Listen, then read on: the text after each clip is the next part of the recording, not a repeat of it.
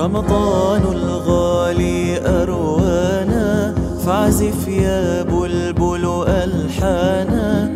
لحنا بالبهجة يغمرنا ويؤجج فينا النيران. السلام عليكم ورحمة الله وبركاته. الله تعالى يرزقني وإياكم الإخلاص في القول والعمل والنية. آمين. نتابع في هذا الكتاب المبارك حلية البشر. هذا الكتاب الذي جمع أذكارا من أذكار سيد البشر صلى الله عليه وسلم. بسم الله والحمد لله وصلى الله وسلم على رسول الله.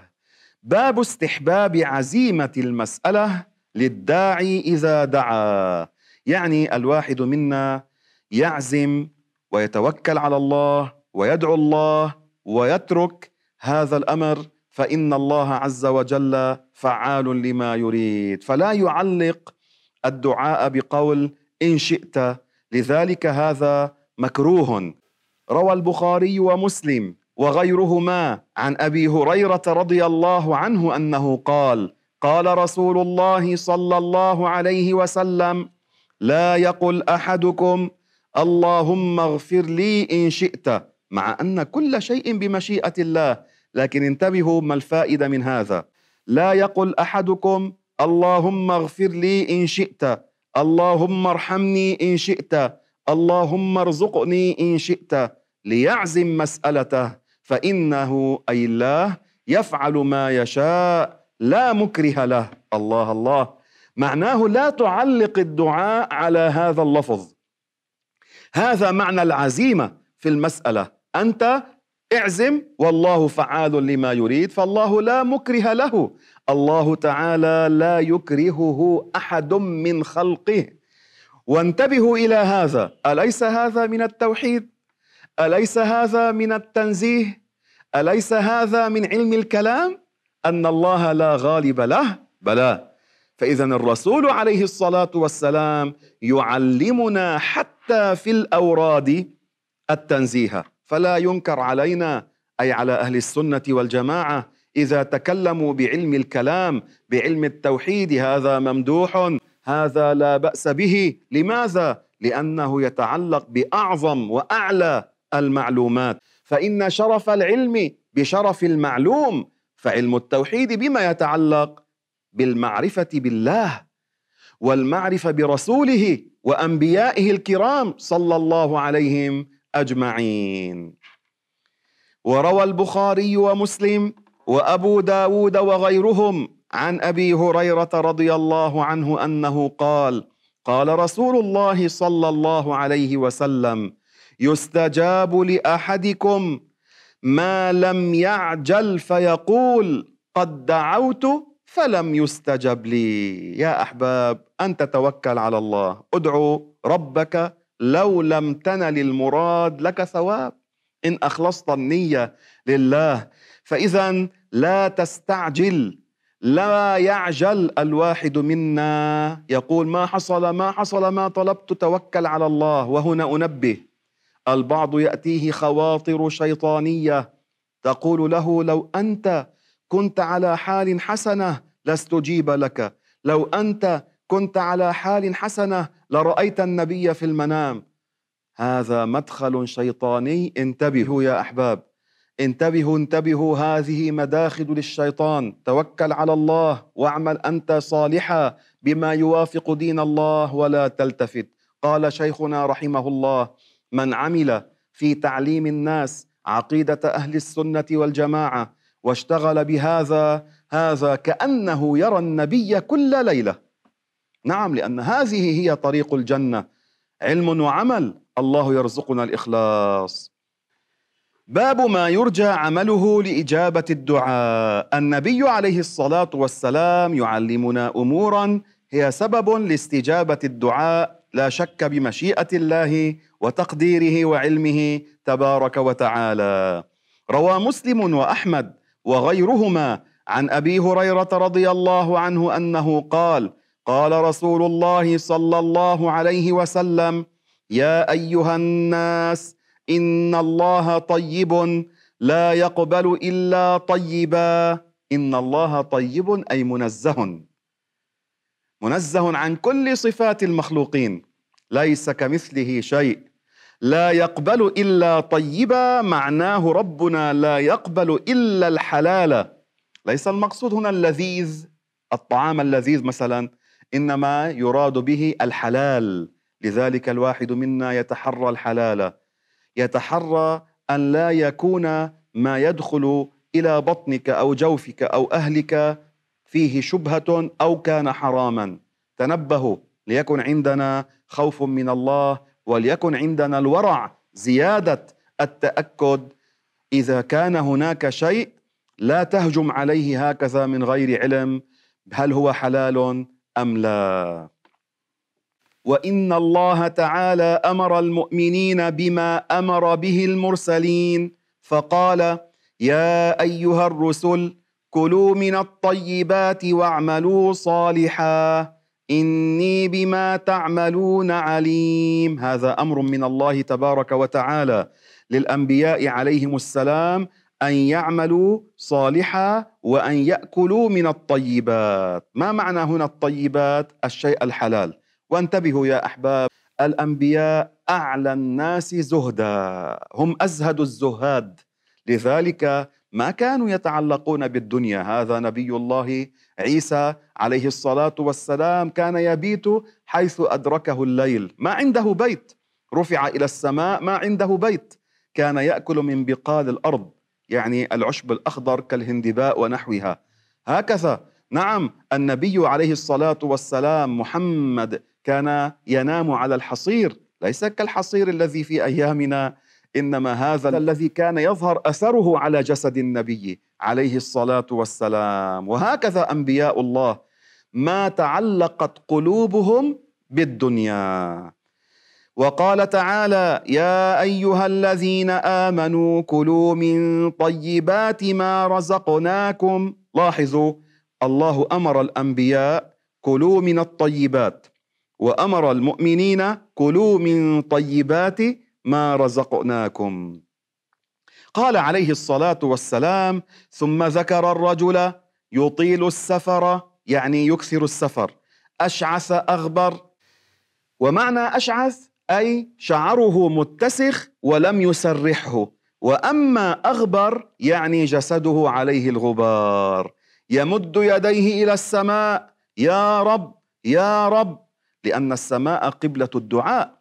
ليس لأن الله ساكن السماء الله لا يسكن السماء ولا الأرض.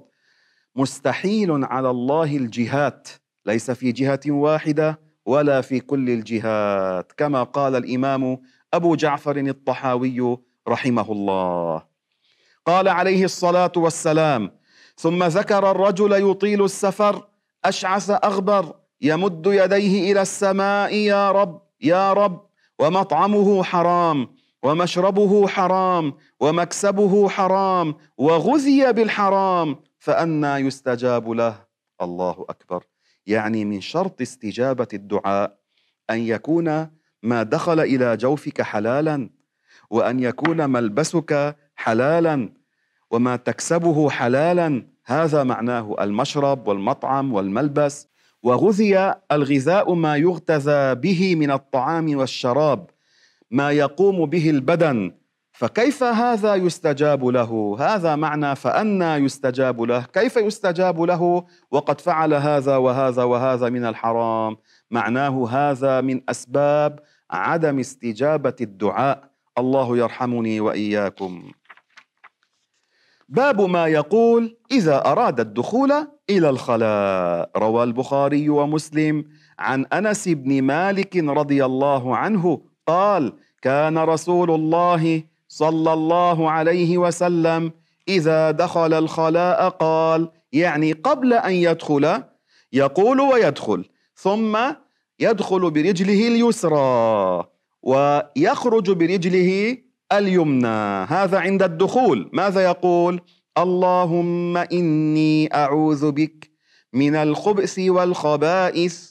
الخبث الذكور من الشياطين الخبائث إناثهم الجن فيهم الذكور وفيهم الإناث مثل البشر. أما الملائكة ليسوا ذكورا ولا إناثا. الجن فيهم المؤمن وفيهم الكافر مثل البشر. وكذلك المؤمن من الجن كذلك قد يكون فاسقا وقد يكون وليا لكن أغلبهم فساق. هؤلاء الجن من كفر منهم يقال لهم شياطين فلذلك هذا الخبث يقال عن ذكور الشياطين فأنت تتحصن بالله تستجير بالله إذا دخلت الخلاء من أذى هؤلاء وهؤلاء الذكور والإناث. وهنا فائدة قالها شيخنا الشيخ عبد الله رحمه الله لا تكثروا من المكث في الخلاء للأسف كثير من البيوت اليوم صار المكان الذي يغتسلون فيه هو نفسه المكان الذي تقضى فيه الحاجة يعني في نفس المكان. فيطول المكث في الخلاء للاغتسال ونحوه و و و و.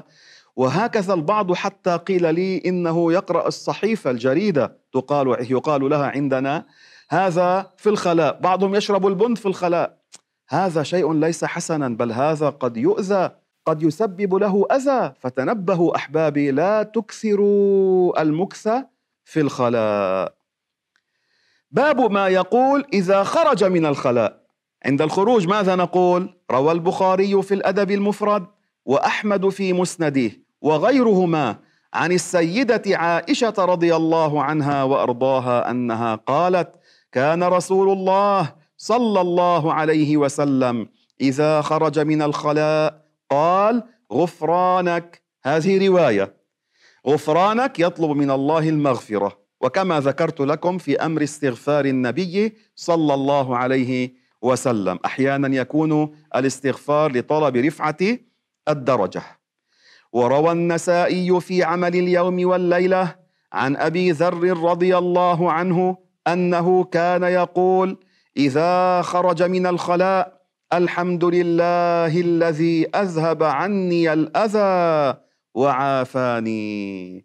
فإذا تستطيع أن تجمع بينهما تقول عند خروجك أي بعد الخروج غفرانك. الحمد لله الذي أذهب عني الأذى وعافاني. هذا رواه النسائي مرفوعا وموقوفا. يعني أبو ذر في رواية هو قال هذا عند خروجنا من الخلاء نقول وفي رواية رفعها إلى النبي يعني أبو ذر الغفاري واسمه جندب رضي الله عنه وأرضاه قال كان رسول الله إذا خرج من الخلاء قال الحمد لله الذي أذهب عني الأذى وعافاني وله شاهد من حديث أنس بن مالك مرفوعا رواه ابن ماجه في السنن. باب ما يقول بعد الفراغ من الوضوء. الوضوء يا أحباب أول مقصد من مقاصد الطهارة. والوضوء كان في الأمم السابقة. روى البخاري رحمه الله أن السيدة سارة وهي زوجة نبي الله تعالى إبراهيم عليه الصلاة والسلام ويقال لها سارة. هذه سارة رضي الله عنها توضأت قبل أن تدخل أرض الجبار.